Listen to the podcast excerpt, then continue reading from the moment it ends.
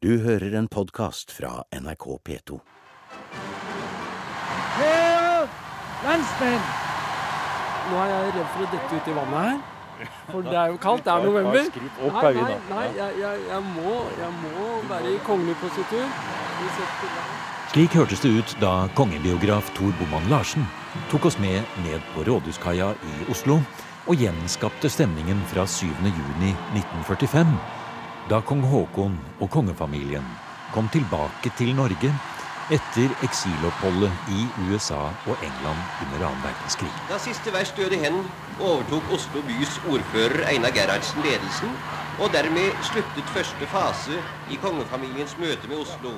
i en jubel Men hva var det kongefamilien kom tilbake til Krigen hadde forandret både kongefamilien og de politiske realitetene i Norge.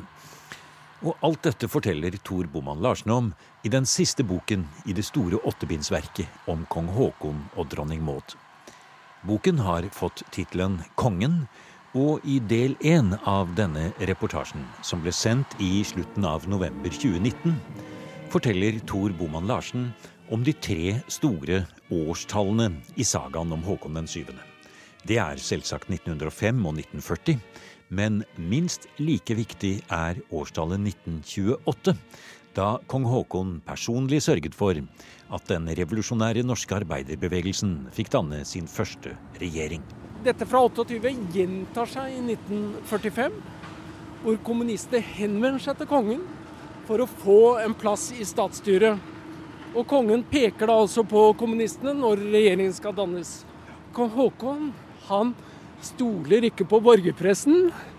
Eh, han vil ha informasjon direkte fra den politiske opposisjonen da på ytre venstre fløy.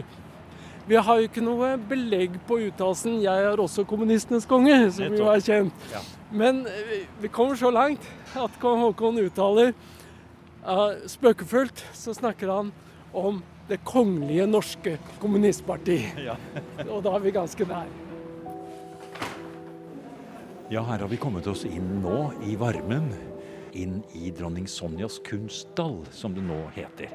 Men når du begynte, Tor, å skrive på ditt eh, biografiske verk, da så det ikke så fint og strøkent ut.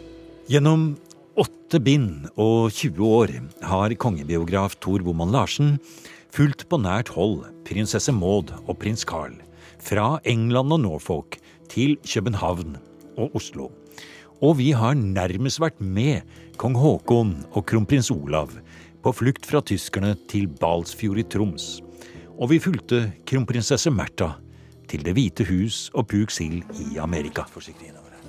Her går vi på en lerrete, lerete, oppkjørt traktorvei på den engelske landsbygda. Og det, ser ikke, det er ikke mye som minner om kongelig eleganse her, Tor. Nå er vi i, i Mauds dronningrike, må vi kunne kalle det. Akkurat her på denne avlange, flate plassen her lå Appleton House. Nettopp. Og, og det fascinerende er jo at huset er borte. Det er altså tomrom. Men rundt så står jo disse høye, flotte trærne, som er en del av parkanlegget til dronning Maud. Norges eh, senere konge, eh, Olav 5., ble jo født her. På denne åpne plassen. Ja, tenk på det. Der bodde kongen og kronprinsen. I den hytta der, ja. Der, der er to er soverom. det er, dette er kongens slott. Det er en tømmerresidens i det høye nord. Her var de også 17. mai. Her sto kongen, og det var ingen å vinke til. Og det var krig i, i verden. Og han håpet jo at han skulle bli her hele krigen. For dette var jo i den fasen hvor det ennå ble forhandlet. Det var et håp om å holde Nord-Norge som et kongerike og Hålogaland. Eh, Fritt og nøytralt gjennom krigen. Dette var to små klipp fra tidligere programmer her i museum om kong Haakon og dronning Mauds biografi. Og fire-fem av disse programmene er nå lagt ut på nytt på museums podkastsider. Men nå går vi tilbake til Tor Boman Larsens pressekonferanse da bind åtte ble lansert i dronning Sonjas kunststall høsten 2019. Et viktig poeng i boken Kongen er at kong Haakon den syvende hele livet beholdt prins Carl som sitt alter ego. Under rollen som konge lå den danske og britiske prins Carl som kongens private personlighet. Og hvem har egentlig tenkt på, i dag, at den nåværende Prince of Wales er oppkalt etter kong Haakon? Det er som et lite glimt inn i TV-serien The Crown når vi ser for oss året 1955, 50-årsjubileet for 1905, med stor stas og festivitas overalt. Og det topper seg da kongeskipet Britannica kommer seilende inn Oslofjorden med fem krigsskip på slep og verdens mest spektakulære og sagnomsuste og bejublede kvinne Elisabeth II om bord. Alle som har sett The Crown, vil jo vite hva jeg snakker om nå. Hun velger altså Norge som det første land utenfor samveldet, miniatyrfolket som akkurat runder tre millioner, for sitt første statsbesøk.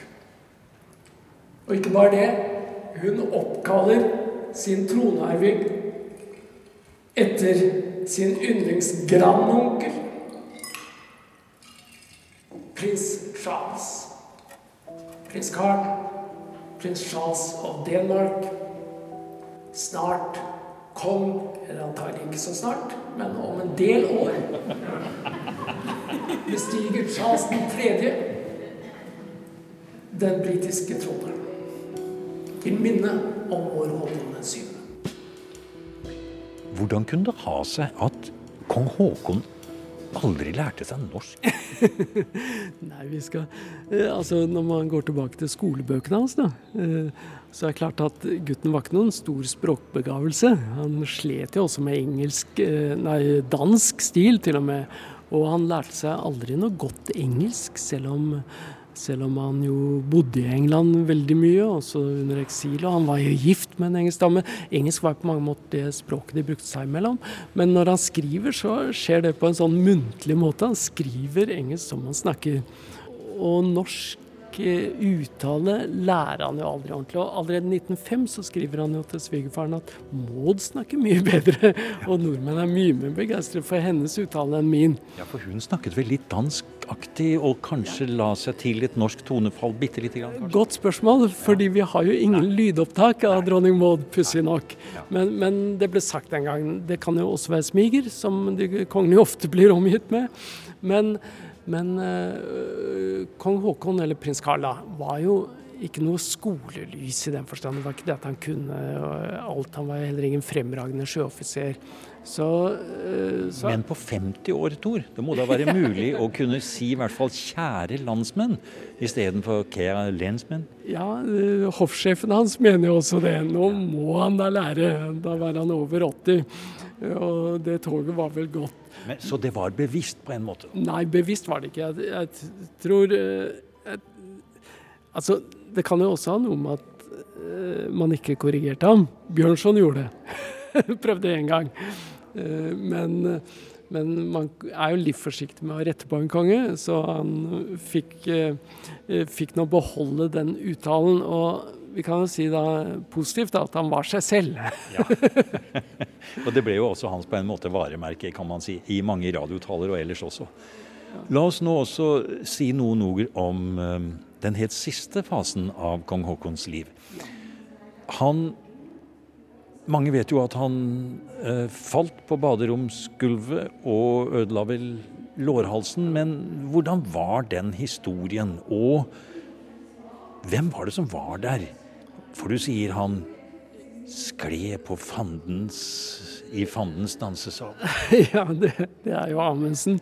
Og, og, det er jo fascinerende for meg som biograf da, at den siste gjesten han mottar på Bygdøy, det var jo Roald Amundsens store kjærlighet, Kiss Pito Bennett. Ja, Hvor dukker hun opp fra? Nei, Hun dukker opp bl.a. i London, og før det også. De har mye kontakt under eksilet. Spiser ofte middag sammen og sånn. Og, og kongen er jo alltid glad i kvinnelig selskap, så han har mange for så vidt eh, kvinnelige venner som han pleier kontakt med. Gerd Grieg er jo en annen, f.eks. Men Kispito hun er jo opprinnelig norsk, samtidig som hun har levd hele livet i England.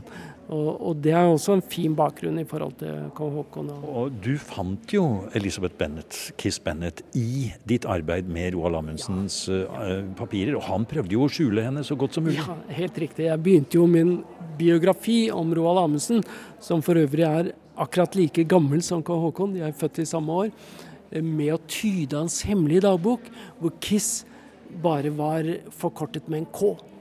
Og dette var kvinnen han falt for etter at han erobret Sydpolen. Og som jo på en måte styrer hele hans løpebane videre helt eh, opp i de siste årene før hans død. Eh, og, og på det tidspunktet, når Pito Bennett kommer til Bygdøy, så ligger denne hemmelige dagboken etter Roald Amundsen klausulert på Nasjonalbiblioteket.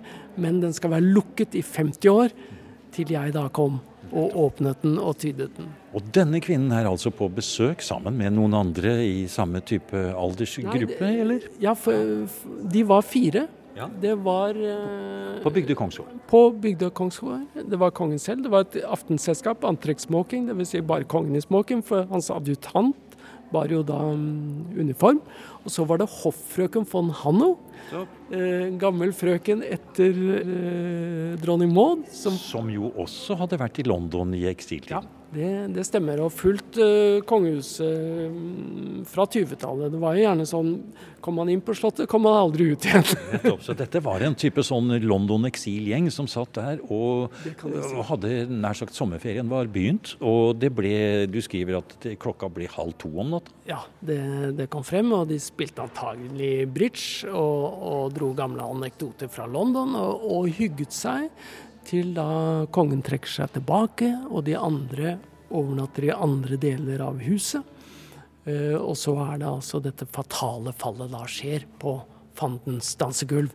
Altså lakkskoene er glatte, og flisene er kanskje glatte på gulvet, og i alle fall kongen faller. Han blir liggende på baderommet i første etasje i flere timer. Ja, hele, før- hele ja. natten, ja.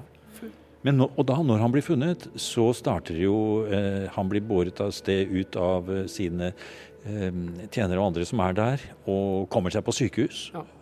Og du antyder i boken at eh, kanskje ikke han får helt den rette behandlingen heller. Nei, i hvert fall sett i ettertid. Eh, man kunne allerede den gang med stort hell operere et lårhalsbrudd øh, og sette inn en nagle. Den metoden var øh, i full funksjon, og, særlig på Ullevål øh, var man eksperter på det. Så Men det gjorde man ikke. Isteden blir han lagt i strekk, som du skriver. Og det du beskriver der, det Man kan nesten ikke annet enn å synes litt synd på denne gamle mannen som blir eh, egentlig herja litt med etter sånn man ville sagt i dag, kanskje. Og så er han jo temmelig alene. Ja, eh, han vil jo for all del ikke lenger løfte regentskapet. Dvs. Si, han kommer seg jo ikke på bena. Han blir sittende i rullestol. Og i kong Haakons øyne så må en konge være stående. Det har nok også litt med krigsherren kong Haakon å gjøre. At han følte ikke at han kunne være statsoverhode i funksjon. Han beholder jo kronen, men eh, ikke regentskapet.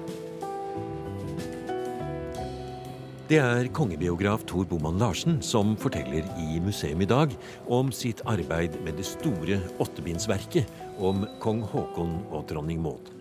Siste bok i serien kom ut høsten 2019. Kongen heter den. Ja, se. Ja, se her. Er vi på Fredensborg, 1885. Dette er andre del i museums reportasje om kongebiografien, og nå går vi rundt i dronning Sonjas kunststall og ser på en utstilling av personlige gjenstander, dagbøker, bilder, fotografier og mye annet fra de kongelige samlinger, som belyser kong Haakon og hans regentskap fra 1905 og til hans død i 1957, 85 år gammel. Her har vi Måls lille skissebok og maleskrin. Ja, og du som jo er, også er bildkunstner, Tor. Altså hennes eh, Ikke så gærent. Det er ikke så gærent. Nei, det er ikke så gærent. Nei. Eh, og jeg har sett noen veldig morsomme karikaturer av henne. Altså som viser Som- humor. ja. Eh, Synd hun eh, ga seg så tidlig. Så ble det jo, som vi vet, fotografiet som var på en måte ser vi jo apparatet. apparatet. Men- Fantastisk. Ja. Er eh, Altså I hver jeg håper å si, bås her, så, Ja. så, så er det nye momenter. ja. Her er vi på Buckingham Palace. Ja, Og det er jo ikke noe rart. Her har vi et sjeldent bilde som du ikke får sett så ofte. Det henger inne på Slottet. Og det er Tuxen, den danske hoffmalerens eh, og Europas fremste i sin tid, på slutten av 1800-tallet, som har malt skissen her til det store bryllupsmaleriet fra Buckingham Palace, hvor prins Carl og prinsesse Maud gifter seg. Og du ser prinsesse Maud gjør, eh, gjør en hilsen foran eh, dronning Victoria. Mm, hennes bestemor. Ja, ja. Ja. Og der står prins Carl og ser på. Og det, på det bildet så er jo disse to, Maud og Carl, de er prins og prinsesse av Danmark. Ja, det er riktig. Eh, og de skal etablere seg i Danmark. Men rett ved så står jo da prinsen av Wales, og prinsessen også. Og han har nå skjenket et, eh, en liten villa i Norfolk, Appleton House, til eh, prinsesse Maud. Og det blir jo egentlig hennes yndlingsbolig, da. Så herfra blir det en dragkamp mellom Danmark og England for disse to. Og det er jo en fascinerende historie. Når vi nå går videre til neste bås her, så kommer nettopp Appleton frem.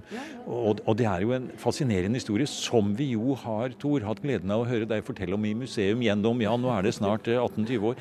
Eh, og vi har, fulgt, ja, vi har fulgt denne historien, og eh, der ligger det mange fine programmer fortsatt i eh, museums podkastlister, som man kan gå inn og hente. Men nå som vi er her nå, på denne fantastiske utstillingen, så- så er det jo nærmest for å samle trådene, hadde jeg nær sagt, for å trekke trådene tilbake nå. Du startet med dette for 20 år siden. Bind 8 har kommet ut. Du kaster nå et blikk bakover. Og når det gjelder nettopp kildene, som vi jo går blant og ser her Ja. på en fantastisk fin utstilling, så er det jo ofte man kan høre at eh, prominente personer, kanskje også konger og prinsesser for den saks skyld, har en tendens til å brenne ting. ja, ja. Og det er brent mye i alle slott og til alle tider. Og litt forskjellig. Altså noen konger og dronninger eh, oppbevarte og arkiverte. Andre destruerte. Og det gikk ofte annenhver gang eh, opp gjennom historien. Og hvordan var kildesituasjonen når du begynte å skulle skrive bind 1? Nei, da eh, var det på Slottet i Oslo ingen kilder tilgjengelig. Eh, og ingen eh, oversikt over hvorvidt det overhodet fantes noe som helst. Mens for så vidt alle andre europeiske eh, kongehus hadde jo sine eh, arkiver noenlunde i orden. Så vi begynte på bar bakke, men det viste seg jo da etter hvert at også på Slottet i Oslo lå det i skuffer og skap eh, store mengder papir som da det hoffet i dag klarte å arbeide frem etter hvert. Og kildene belyser jo hverandre. Og for meg, når vi står med denne kalenderen 1905, så er det et bilde på døgnets betydning.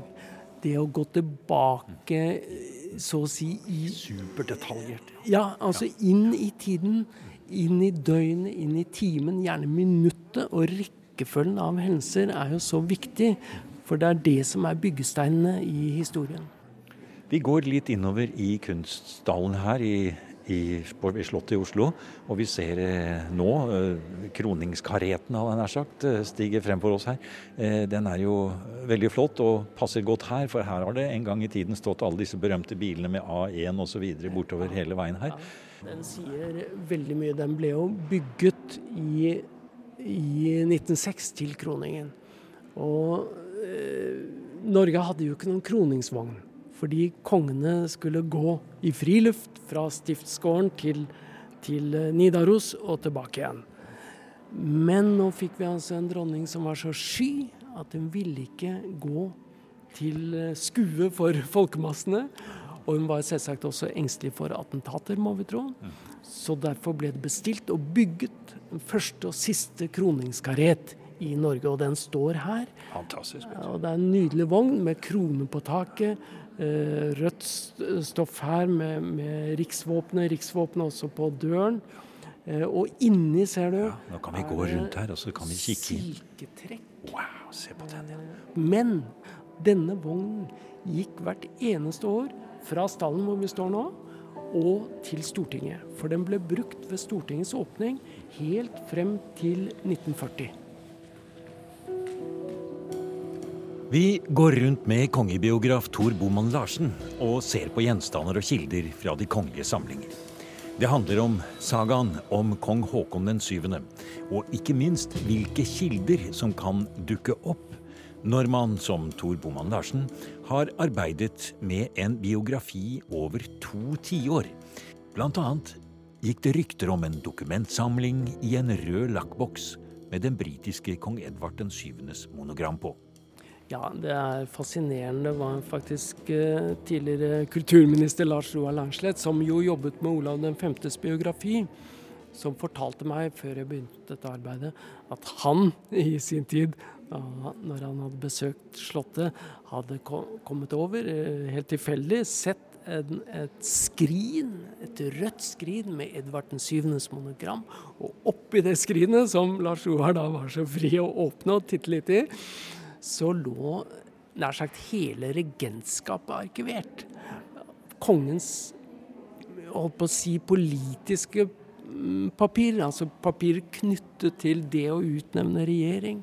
Altså de helt sentrale ting som en konge skal gjøre fra 1905 og opp til hans død. Eh, og jeg etterlyste jo dem tidlig. Eh, og, og man visste ikke hvor de var. Eh, og så gikk det noen år, frem til 2008, hvor man var i gang med å, å arkivere materialet her på Slottet, og hadde fått en profesjonell tilnærming til det. Så en dag fikk jeg melding om en papirbunke som var blitt funnet. Skrinet hadde ingen sett, men jeg skjønte når jeg så disse papirene, dette må ha vært Eh, regentskapspapirene, som jeg kalte dem, og som begynte i 1905 med korrespondansen mellom prins Carl og hans svigerfar Edvard 7. av England gjennom hele denne politiske prosessen. For han skrev altså utkast til disse brevene? Ja, til, ja, ja, Og det tok han vare på. Mye annet ble brent, som du sier. Det tok han vare på. Dagbøkene dukket jo også, nær sagt, plutselig frem. Ikke, kan, ja, det var et bevisst søk, og de kom jo tidligere. Så man kan vel da kanskje tro at kong Haakon var veldig bevisst på hva han ja. destruerte, og hva han mente at ettertiden skulle ta vare på. Nettopp, for han var opptatt av å dokumentere sin kongsgjerning, men å skjerme alt som hadde preg av privatliv. Uh, og selv for han så griper de jo i hverandre når han skriver til sin svigerfar, men sånn så de brevene var jo så sentrale for å skjønne hans posisjon i 1905. Hans forhandling med Nansen f.eks. Når Wedel Jarlsberg kom på besøk, så, så skriver han jo direkte referat dagen etter og sender til England. Uh, og også dette forholdet til den britiske kongen, da, at det er det som er styrende for ham. Bare det er jo helt avgjørende. Og særlig kanskje i den første delen av regentskapet, hvor han jo lurte litt på enkelte ganger om han kanskje skulle si fra seg alt sammen. Ja, det, det og da måtte han jo i så fall ha kommet tilbake til svigerfaren og bli beskyttet av det kongehuset. Ja, og da, på det tidspunktet var nok Appleton og England en naturligere retrett enn Danmark. Men det er flere steder han kommer inn på, i strid med f.eks. Løvland, med Mikkelsen, med Gunnar Knutsen. At han er på nippet til å si det hele fra seg. Fordi han finner ikke sin plass. Han finner ikke kongerollen. Det tar lang tid for uh, kong Haakon. Vi vet jo at mye av det du har skrevet, eh, Tor, i de åtte bindene, det har sitt utgangspunkt i kilder som er utenfor det norske slottet. Ta f.eks. brevsamlingen med Tulle Karstensen i Danmark f.eks. Hvor veldig mye kommer frem, både om det personlige forholdet mellom Tulle Karstensen og kong, eller prins Carl da, og eh, dronning Maud. Og hun kom jo også på slutten av kong Haakons liv tilbake på besøk. Hun kom vel gjerne her kanskje hver sommer, eller de traff hverandre jo mye. Hun var jo en av de som den aldrende kongen holdt kontakt med. Ja, altså kong Haakon han eh, forblir jo også prins Carl gjennom hele livet. Og bruker jo navnet Carl eller Charles i sin private korrespondanse. Og sånn som Tulle Karstensen. Og jeg, jeg, fant jo faktisk brevene fra henne før jeg fant Kongens dagbok. Og da kom de i en plastpose. inn til Det kongelige biblioteket i København. Og jeg var den første som fikk hånden på dem. Men, og det var en tusen sider eller noe. Fantastisk materiale.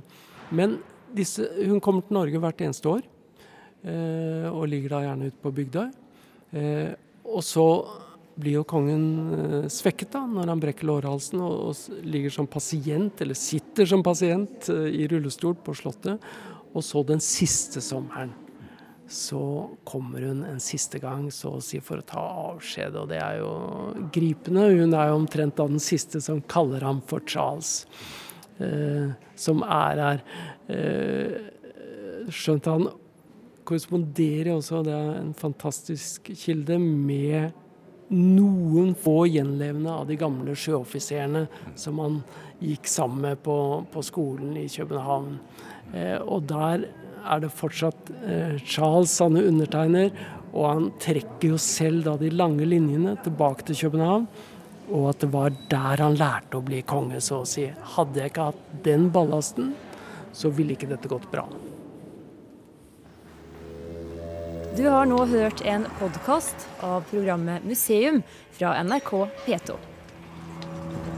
Og send gjerne en e-post til museum krøllalfa nrk.no.